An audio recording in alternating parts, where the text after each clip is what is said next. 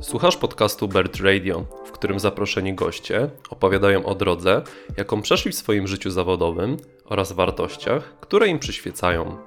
Nazywam się Jacek Zięba i zapraszam Cię na odcinek z Leszkiem Krupińskim. Leszek jest deweloperem pracującym dla największego polskiego studia tworzącego gry wideo, w tym Wiedźmina i Cyberpunka, czyli CD Projekt Red. Dziś opowie o pracy w game devie oraz perspektywie, jakiej nabrał, gdy jako gracz zaczął pracować nad grami. Cześć Leszku, bardzo mi miło Cię gościć w moim podcaście. Dzień dobry, dzień dobry. Bardzo mi miło, e, że zostałem zaproszony do podcastu. Chciałbym na początku, żebyś nam coś powiedział o sobie. E, w sensie przedstawienie słyszeliśmy wcześniej, ale jakbyś powiedział, czym teraz się zajmowałeś i czym zajmowałeś się wcześniej, bo to jest wszystko bardzo ciekawe.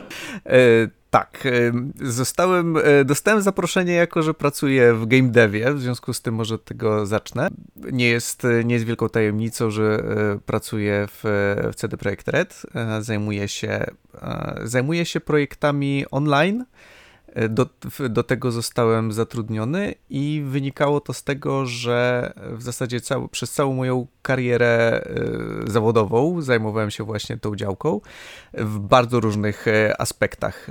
Od administracji serwerami przez y, projektowanie projektowanie aplikacji webowych, tworzenie tych aplikacji webowych, e, aż po właśnie całe architektury tych, e, tych wszystkich dziwnych tworów funkcjonujących w internecie. Mówię, aplikacji e, to w tym momencie e, strona internetowa to tak e, może, może nie, brzmi, nie brzmi zbyt ambitnie, natomiast te strony internetowe, e, czyli taka część bardziej widoczna tych całych serwisów internetowych potrafią być bardzo, bardzo rozbudowane i, i dlatego ludzie, którzy to wszystko projektują, żeby, żeby to brzmiało imponująco, nazywają się architektami i właśnie, właśnie mm, ostatnia, ostatnia działka mojej kariery to, to właśnie taki architekt rozwiązań webowych. Pracowałeś też w wojsku. I czy chciałbyś coś o tym więcej opowiedzieć?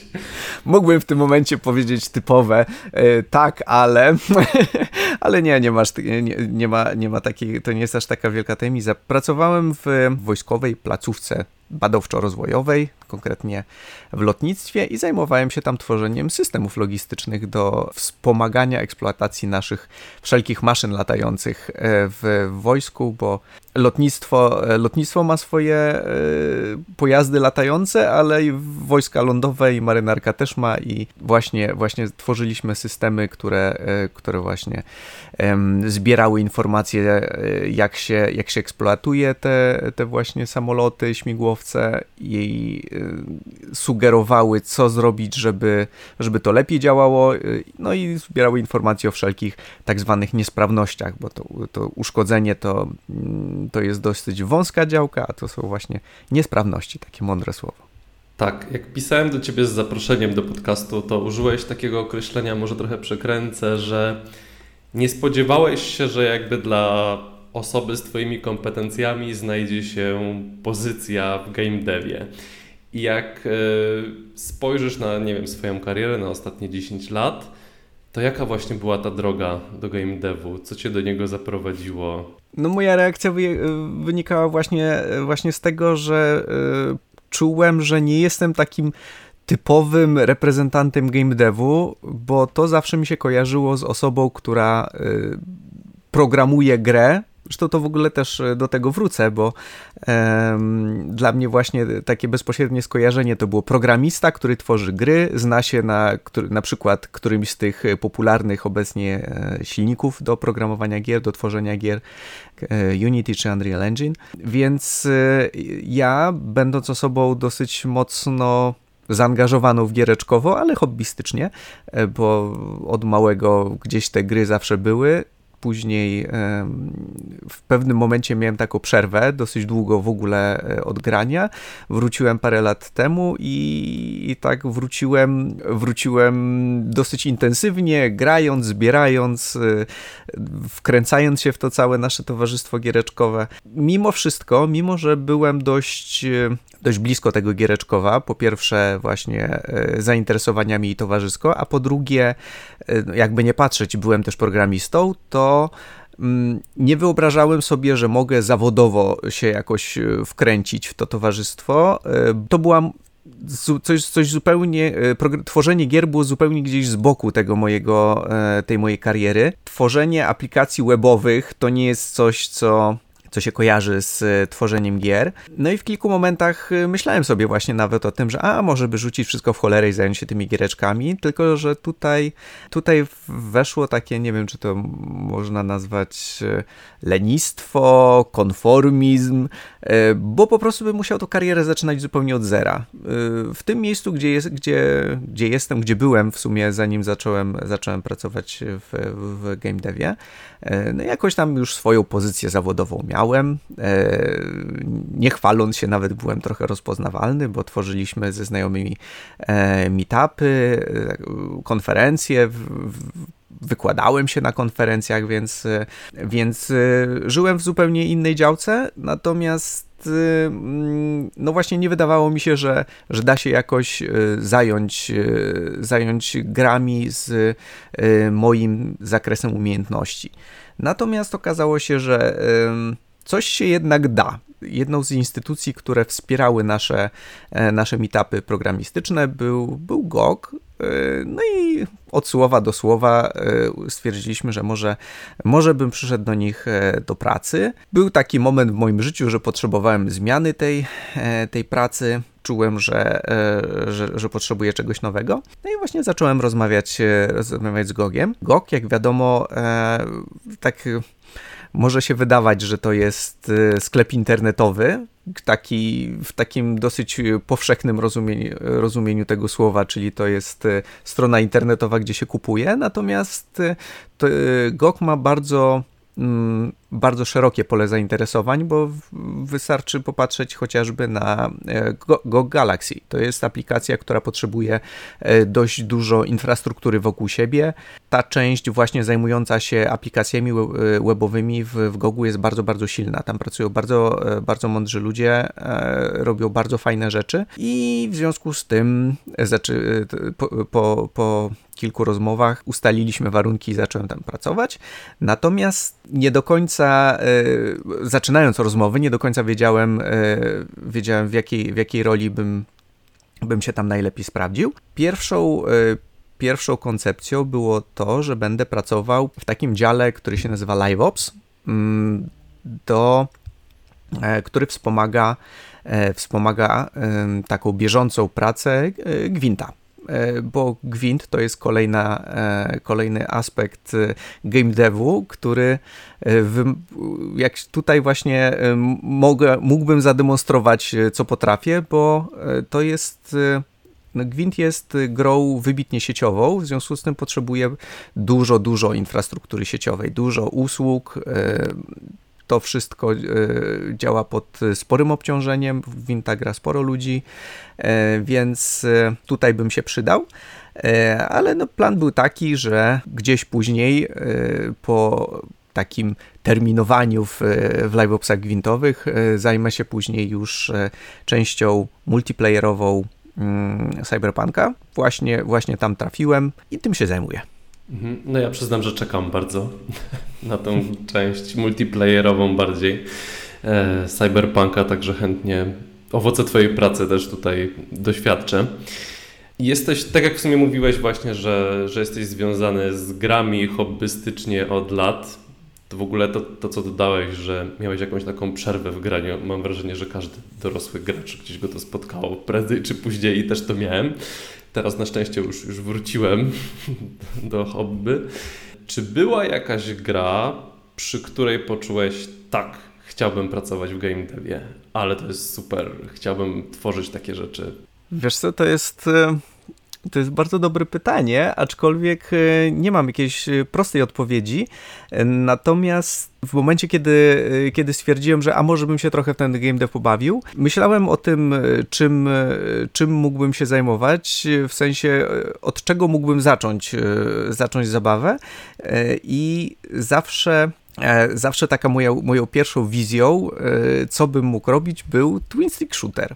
Taki klasyczny twin stick shooter i moim pierwszym skojarzeniem jest seria Alien Breed. To jest takie dosyć e, odległe skojarzenie, w sensie, no bo seria Alien Breed jest dosyć stara i, i to nie jest tak, że to, to mnie mm, od razu skłoniło do tego, żeby zajmować się programowaniem gier, e, natomiast e, to jest to jest taka, taka motywacja, taki pomysł na grę, E, który, który mógłbym zrealizować, bo myślałem, e, zastanawiałem się czasem właśnie nad tym, co mógłbym robić, e, które gry są fajne, które mnie pociągają. Kiedy patrzyłem, patrzyłem na gry, które robię, to widziałem tam, to szczególnie, szczególnie widać na końcu gry, te setki osób, które się przewijają przez, przez napisy końcowe i, i, nie, i to było dla mnie takie trochę może nie tyle odstraszające, ale to, było, to, jest, to jest znak, że gry komputerowe, jeśli chciałbym robić coś swojego, to muszę bardzo mocno y, swoje mierzyć siły na zamiary. Jeśli, jeśli chcę mieć faktyczny wpływ na to, jak y, taki bezpośredni wpływ, jak, y, jak gra wygląda, projektować ją, no to musi być coś względnie zwartego, zamkniętego, bo pracując w, w dużych firmach, stety, niestety to zawsze jest tak, że robi się jakąś swoją działkę, natomiast y, to ktoś inny ustala, co się robi. Także mm, moje, y, moje inspiracje, inspiracje game devowe to właśnie raczej takie nieduże, nieduże tytuły, rzeczy, które byłbym w stanie ogarnąć i dodatkowo jeszcze mm, nie będąc grafikiem, y, byłbym w stanie w jakiś sposób Mm, ogarnąć całą, cały zakres tworzenia tej gry, no bo e, no co tu dużo mówić, talentu graficznego nie mam zbyt wiele, aczkolwiek, to,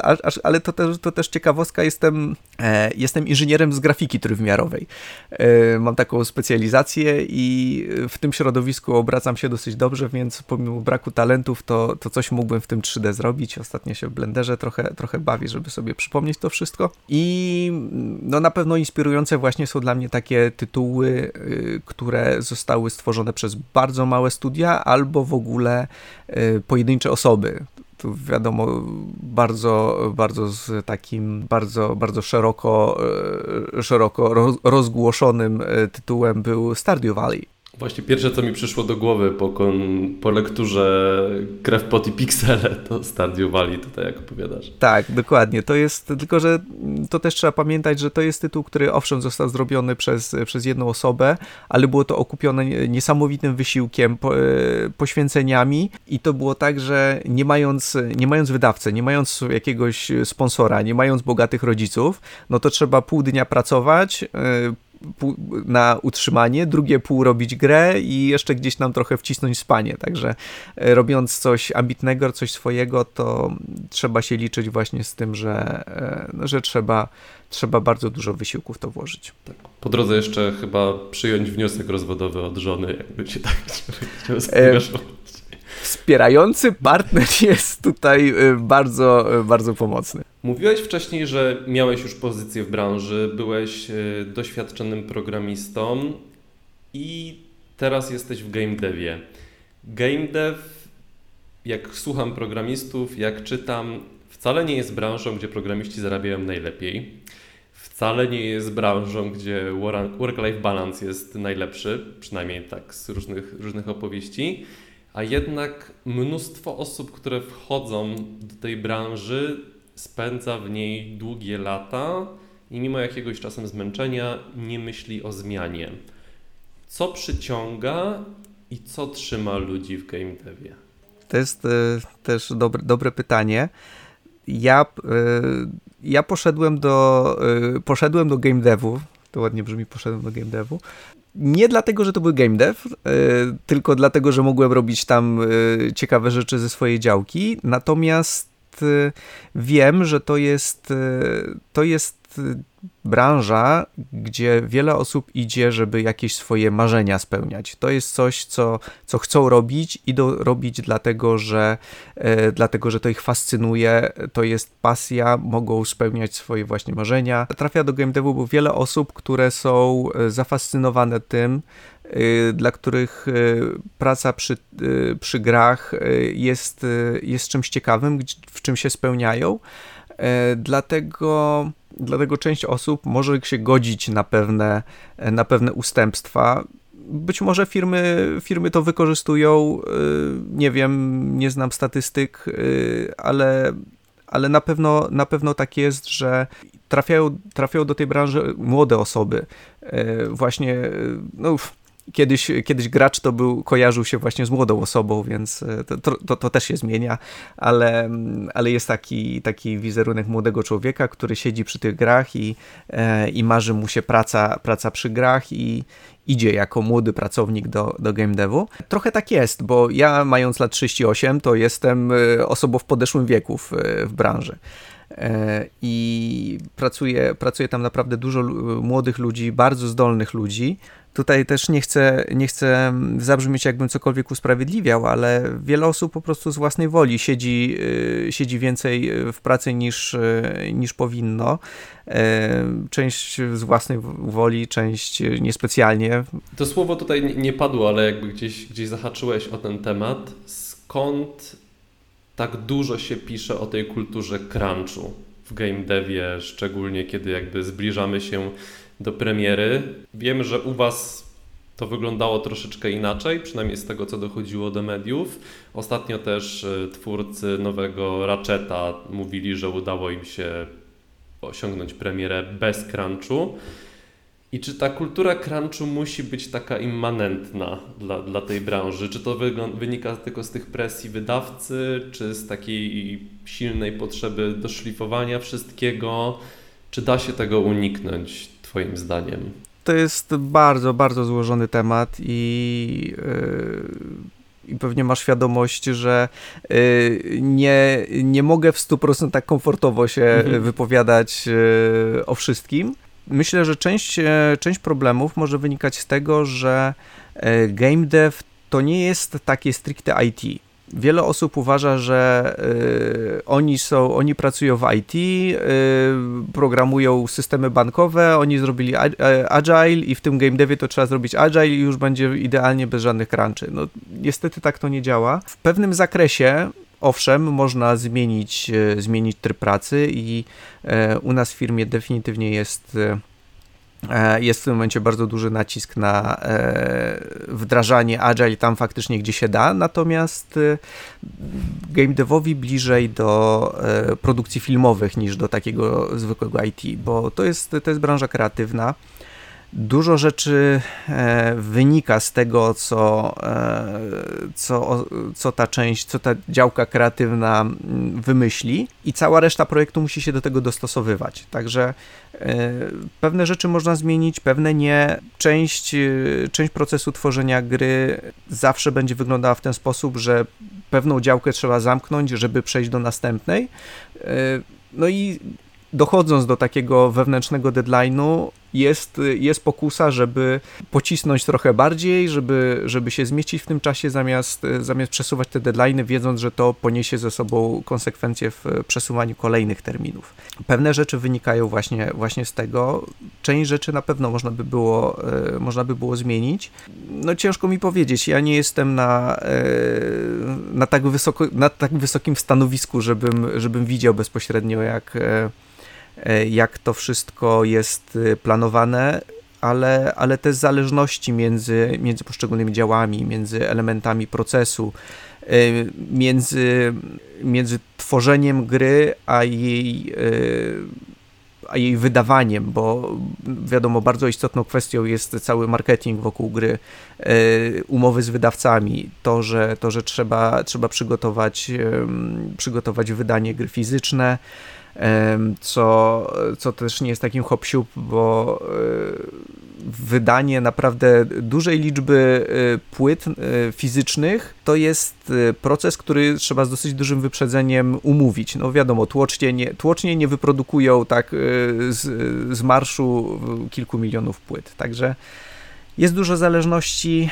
i, i to na pewno wpływa na, na całość. Właśnie też jak już mówiliśmy o, o tam Jasonie Schreierze i Krewpot i Pixele, tam padło takie ładne zdanie Stary to cud, że jakakolwiek gra kiedykolwiek powstała. E, ja jako osoba pracująca na stanowisku Agile Coacha jestem ciekaw, czy Agile trochę pomoże ogarnąć ten temat. Natomiast bardzo mi się podoba to porównanie do branży filmowej i w ogóle wytwarzania produkcji filmowych, że na ten proces kreatywny i te tysiące zależności, które, które są, no, utrudniają i na pewno Agile nie będzie jakimś tutaj receptą na całe zło w branży game devowej. No, dokładnie, no niestety w Agile'u, e, w Agile'u istotne są iteracje e, przechodzi się, e, robi się małe kroczki, patrzy się jak, e, jak to wygląda, robi korekty, natomiast przy, przy tworzeniu gry w pewnym zakresie można tak zrobić, na przykład jeśli, e, jeśli robię, robię system, e, system hmm, jaki mogę robić system, nie wiem, pogody, system pogody w grze. E, robię jakiś prototyp, pokazuję go twórcom, ok, mówią ok, albo mówią nie, e, poprawki. Ok, w tym miejscu mogę, mogę sobie iterować. Natomiast w momencie, kiedy, e, kiedy powstał, powstał już, powstała jakaś koncepcja gry z jakąś mechaniką, bardzo dużo pracy zostało w to włożone, mm, żeby, żeby do, dostosować całą grę do tej mechaniki, to dość trudno jest y, w tym momencie stwierdzić, mm, nie, wiecie co, w sumie to tak, y, nie, robimy to inaczej. Jakieś decyzje zostały podjęte i już, już trzeba się tego trzymać, y, bo, bo zmiana tego niespecjalnie wyjdzie grze na dobre. Bo widać to było na przykład w Ghost Recon Breakpoint. Zostały poczynione jakoś założenia, w jaki sposób będzie, będzie działała ta mechanika. Gra wyszła, okazało się, że ta mechanika niespecjalnie się sprawdza i zostały poczynione pewne um, kroki, żeby w zasadzie wywrócić tą grę do góry nogami. Z jednej strony, owszem, fajnie, że udało się coś zmienić, chociaż trochę dopasować, ale, ale ta, te, te bazowe założenia tej gry gdzieś tam spod spodu cały czas wychodzą. Także mm, nie wszystko, y, nie wszystko w, w tym procesie da się, da się zmodyfikować gdzieś, e, gdzieś w trakcie. Teraz minęły dwa lata Twojej pracy w CD Projekt Red. Hobbystycznie grasz w gry. I wiem, że jakby tutaj Twoja rola jest e, no, taka nietypowa, tak jak mówiłeś na początku, ale czy po tych dwóch latach patrzysz na gry trochę inaczej? Jakby siedząc w tej branży, obserwując też swoich kolegów, projekty, nad którymi Ty pracujesz, czy masz tak, że na przykład zastanawiasz się, hmm, jak oni to zrobili tutaj, tą funkcję czy coś? trochę na pewno, na pewno to zmieniło, e, zmieniło moje postrzeganie. Moje aplikacje webowe w momencie, kiedy, kiedy strona, e, stwierdzam, że strona generuje się bardzo, bardzo powoli, kiedy, kiedy generuje się 500 milisekund, a jak to jest 100 milisekund, to jest, e, to jest w porządku. Natomiast jak zobaczyłem, ile rzeczy musi się e, przeliczyć, żeby wygenerować jedną klatkę animacji, kiedy ile rzeczy jest robionych poniżej jednej milisekundy, jakie budżety pamięciowe trzeba sobie narzucić, budżety czasowe, nawet to, że miałem, miałem przed, przed, przed premierą Cyberpunka e, oczywiście grałem, grałem w buildy deweloperskie e, i mogłem podejrzeć, e, jak funkcjonują te wszystkie, te wszystkie systemy, które gdzieś w tle coś przeliczają, e, ile ich jest. To sprawiło, że e, byłem pod naprawdę dużym wrażeniem, ile rzeczy można upchnąć e, do przeliczenia pomiędzy jedną a drugą klatką animacji. To jest coś niesamowitego i, i to, że te gry w tym momencie są tak złożone, że funkcjonują w taki sposób, e, mają tyle zależności wewnętrznych, e, tyle systemów, to jest, to jest naprawdę coś niesamowitego i jest i, i naprawdę duży, duży szacun dla ludzi, którzy, którzy robią to, to właśnie od strony, e, od strony technicznej. I z drugiej strony, że jest, że są ludzie, którzy potrafią, e, potrafią tak stworzyć, e, stworzyć tą warstwę, warstwę treści gry, żeby, żeby odpowiednio to wykorzystać, żeby, żeby te wszystkie systemy nie były, mm, żeby one wspierały tą historię, którą, którą chce się opowiedzieć, a nie, mm, a nie, że to są po prostu wodotryski, które, które tylko zżerają, zżerają nam pamięć i cykl procesora. A teraz jako gracz częściej sięgasz po indyki czy, czy tytuły AAA? Ja, e, ja mam duży problem z moim graniem, bo, bo e, przez to, że mam mało czasu na granie, to jestem takim trochę bardziej kolekcjonerem gier niż graczem. E, I lubię sobie kupić grę, ale, ale później ona w folii leży na półce przez długi czas. E, nie mam, nie mam tutaj problemu z, z tak zwaną kubką wstydu. Ja się tego nie wstydzę, ja zbieram gry, pogram kiedy, kiedy mam na to ochotę. Natomiast natomiast mało, e, mało mam czasu, żeby faktycznie grać, więc, e, więc skaczę z tytułu na tytuł. Rzadko kiedy kończę gry mm, i, i co jest, to jest dodatkowo, dodatkowo problematyczne w czasach, kiedy, kiedy tworzy się gry, w które, w które gra się po 100-120 godzin. Gra 120 godzin to jest mój budżet na granie przez pół roku, więc, więc ciężko mi się angażować w coś takiego. I często robię tak, że mm, pogram sobie chwilę w, w jakąś dużą produkcję, nie mam czasu właśnie, żeby, żeby ją skończyć, więc chwilę sobie w nią pogram, później jakiś mały indyk na trochę, później yy, coś, jakaś kolejna duża gra, później jeśli mam ochotę, to wrócę do czegoś dużego. Raczej nie wracam do dużych gier z tej prostej przyczyny, że taki głupi problem. Trzeba się od nowa uczyć sterowania. A jeśli coś dodatkowo jeszcze ma jakąś e, historię, to przypominanie sobie, co, co tam było, to wracanie nie, mija się z celem. Mam, e, mam rozgrzebane GTA 5 od e, nie wiem ilu lat, natomiast już dawno pogodziłem się z faktem, że nie, jeśli, jeśli bym chciał faktycznie coś z tym dalej zrobić, to, to zacznę od nowa, bo nie ma szans, żeby, żeby, żeby wrócić do tego. Natomiast lubię grać y, w mniejsze gierki, patrzę sobie dosyć często, co, co jest ciekawego na Gogu. wychodzi tam masa, masa małych, ciekawych gierek. Ostatnio moją pasją są takie E, ostatnio, ostatnio wychodzą takie bardzo ładnie wyglądające ścigałki, e, jak Art of Rally e, na przykład. Wyglądają ślicznie, sprawiają frajdę właśnie sami wizualiami, a oprócz tego można, można się pościgać. Także, także gram, gram w, w bardzo różne tytuły i, i nie kończę dużych gier. Mogę tylko powiedzieć, że wczoraj skończyłem Death Stranding które rozpocząłem w listopadzie i przeszedłem tą grę tak gdzieś na trzy raty i teraz, kiedy chyba po dwóch miesiącach przerwy e, dokończyłem te półtorej godziny, które mi zostało, to już musiałem jakby wszystkie cutscenki skipować, bo nadrobienie w głowie tych wszystkich zależności Kojimy e, było nie do przeskoczenia. Więc e, już na YouTubie czeka na mnie Death Stranding Explained, żebym zrozumiał w ogóle w co zagrałem. Widziałem na Twitterze, że kiedyś pisałeś, e, że grywasz z córką. E, ja jestem ojcem pięciomiesięcznego syna, więc on jeszcze słabo mu bardzo idzie trzymanie pada. Mam nadzieję, że wkrótce się to zmieni. Jak wdrażasz córkę w świat gier?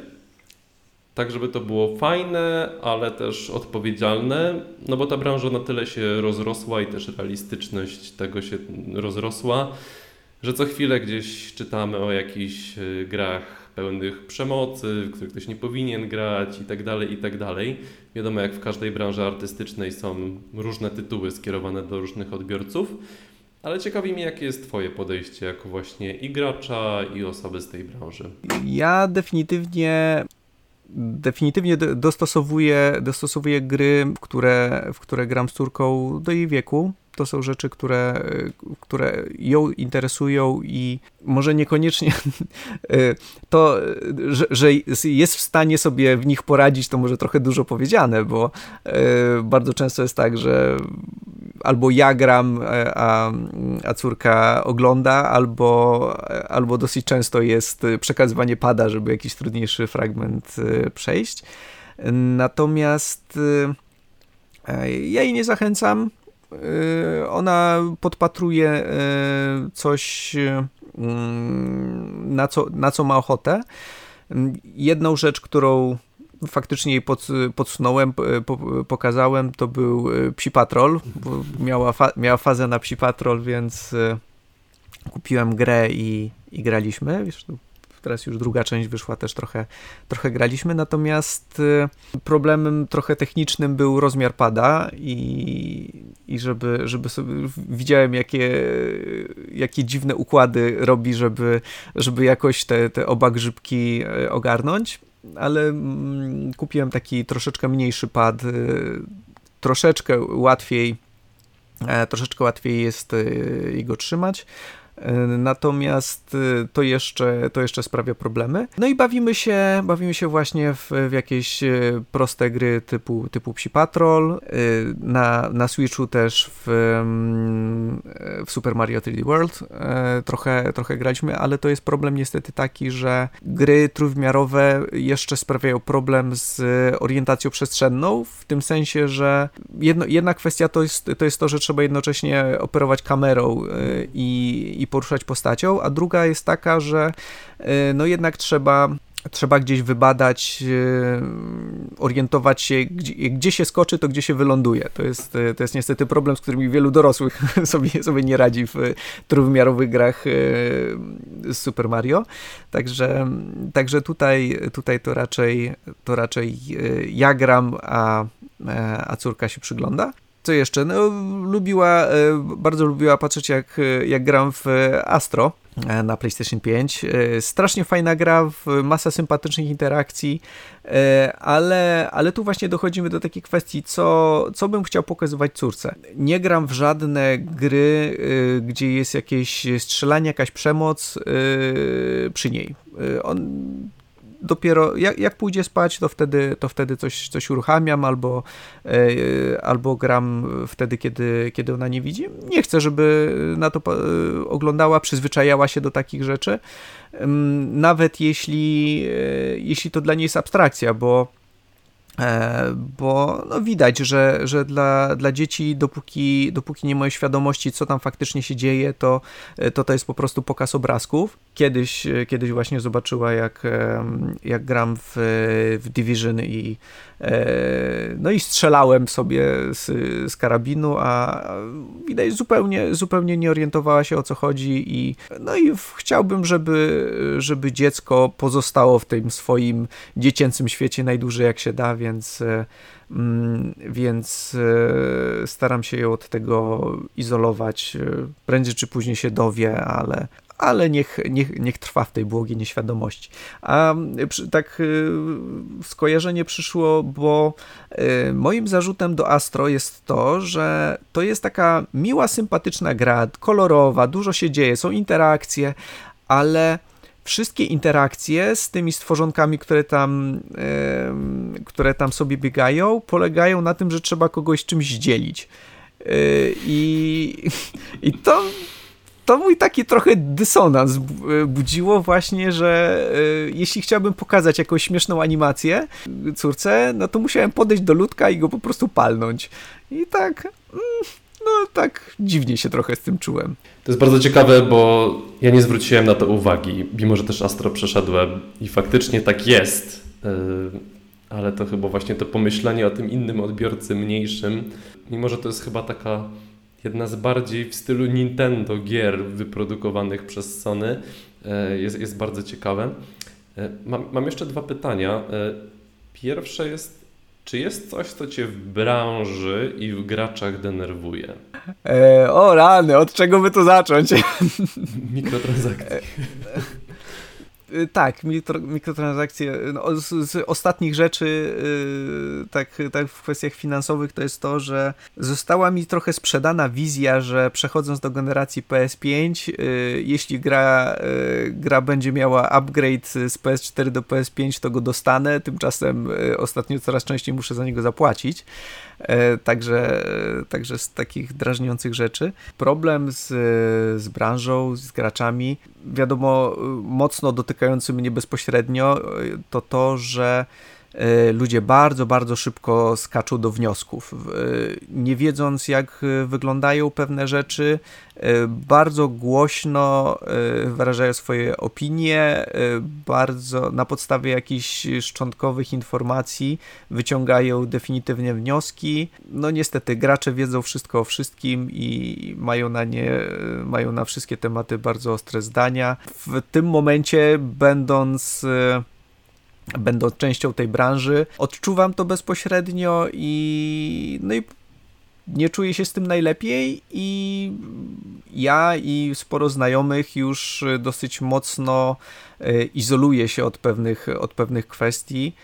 Widząc, e, widząc jakieś komentarze, szybko skroluję dalej, żeby, żeby tylko się nie, nie zacząć e, jakoś bardziej przejmować tym.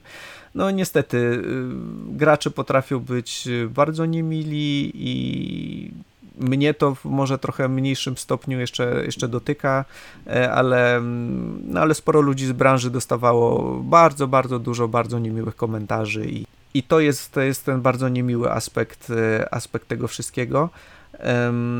Nawet w takich bardzo powiedzmy mało istotnych kwestiach, jak na przykład e, e, to studio, studio, które e, było, zostało uznane za przykrywkę dla działalności Kojimy, kiedy, kiedy pracownicy tego studia twierdzili, że twierdzili, że oni są prawdziwym studiem, to nie jest tak, że zostali wymyśleni, a tak naprawdę Kojima robi, to, robi tą grę, no to zaczęły się już jakieś właśnie niemiłe komentarze, że, że, że oni kłamią, oszukują i, i tak dalej. Także no niestety potrafi, e, potrafi się zrobić e, niemiło. A branża, no długo, długo można by dyskutować o branży.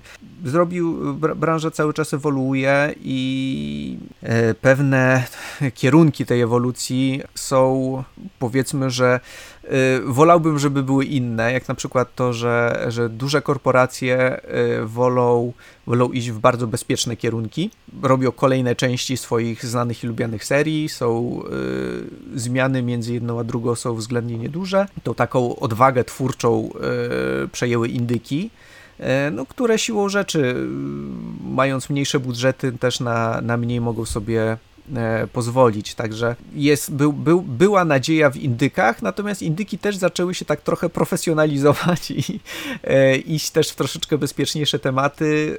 E, powstały klony klon, klonów. E, cała masa e, jakichś e, asset flipów, dużo takiego shovelware, które ledwie się odpala. No i powstaje, powstaje tych gier strasznie, strasznie dużo i coraz trudniej coraz trudniej się w tym wszystkim połapać, co, co jest faktycznie ciekawe, czym się zająć i no i trzeba, y, trzeba chyba najlepiej y, znaleźć jakiegoś recenzenta, którego gust nam pasuje i no i patrzeć, co, co on poleca. No myślę, że tak z 20 lat temu, jak już grywałem i to nie mało, to byłem na bieżąco z większością premier ze świata gier. Teraz to jest niemożliwe. Nie wiem, czy ktokolwiek jest na bieżąco z większością premier świata gier. Yy, ostatnie pytanie mam dla Ciebie. Jakbyś przyszedł, jakby przyszedł do Ciebie piętnastolatek, taki, który tam Ci rozpoczyna szkołę średnią i by Ci powiedział, że on chce kiedyś pracować w game devie.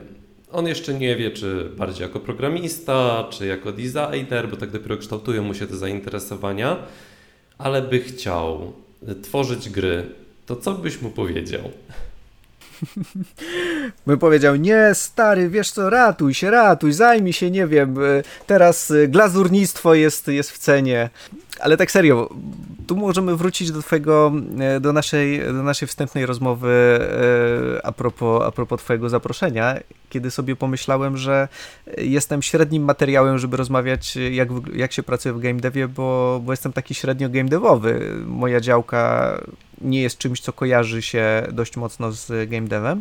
Natomiast e, później sobie pomyślałem, że, że właśnie ten, ten cały game dev e, jest, e, jest bardzo zróżnicowany i i pomimo takiego mojego własnego przeświadczenia, że game dev to jest programista w Unreal Engine, to, to jest naprawdę cała masa różnych um, działek, różnych aspektów tworzenia gier. Wiesz, osoba w wieku lat 15 rzadko kiedy wie, co, y, w, czym jest, w czym jest dobra. Czasem się zdarza, tak? Y, ale niekoniecznie. No ja, ja na przykład miałem y, o tyle łatwo, że E, mając lat 15, już wiedziałem, że będę się zajmował komputerami, radziłem sobie nieźle z programowaniem i, i, chciałem iść właśnie w tą stronę. Aczkolwiek pamiętam na koniec, na koniec podstawówki moim marzeniem było e, założenie firmy, która będzie składała komputery, bo to były, to były te czasy, kiedy, e, kiedy te, te firmy składające komputery świeciły triumfy. E, nie wiedząc, nie wiedząc, gdzie siebie widzę tak szczegółowo, no, to, co mógłbym poradzić, to wstrzymanie się trochę z y, podejmowaniem decyzji, w sensie y, nie tyle, czy, czy iść, czy nie iść do game devu, tylko z, mm, ze stwierdzeniem, do której działki.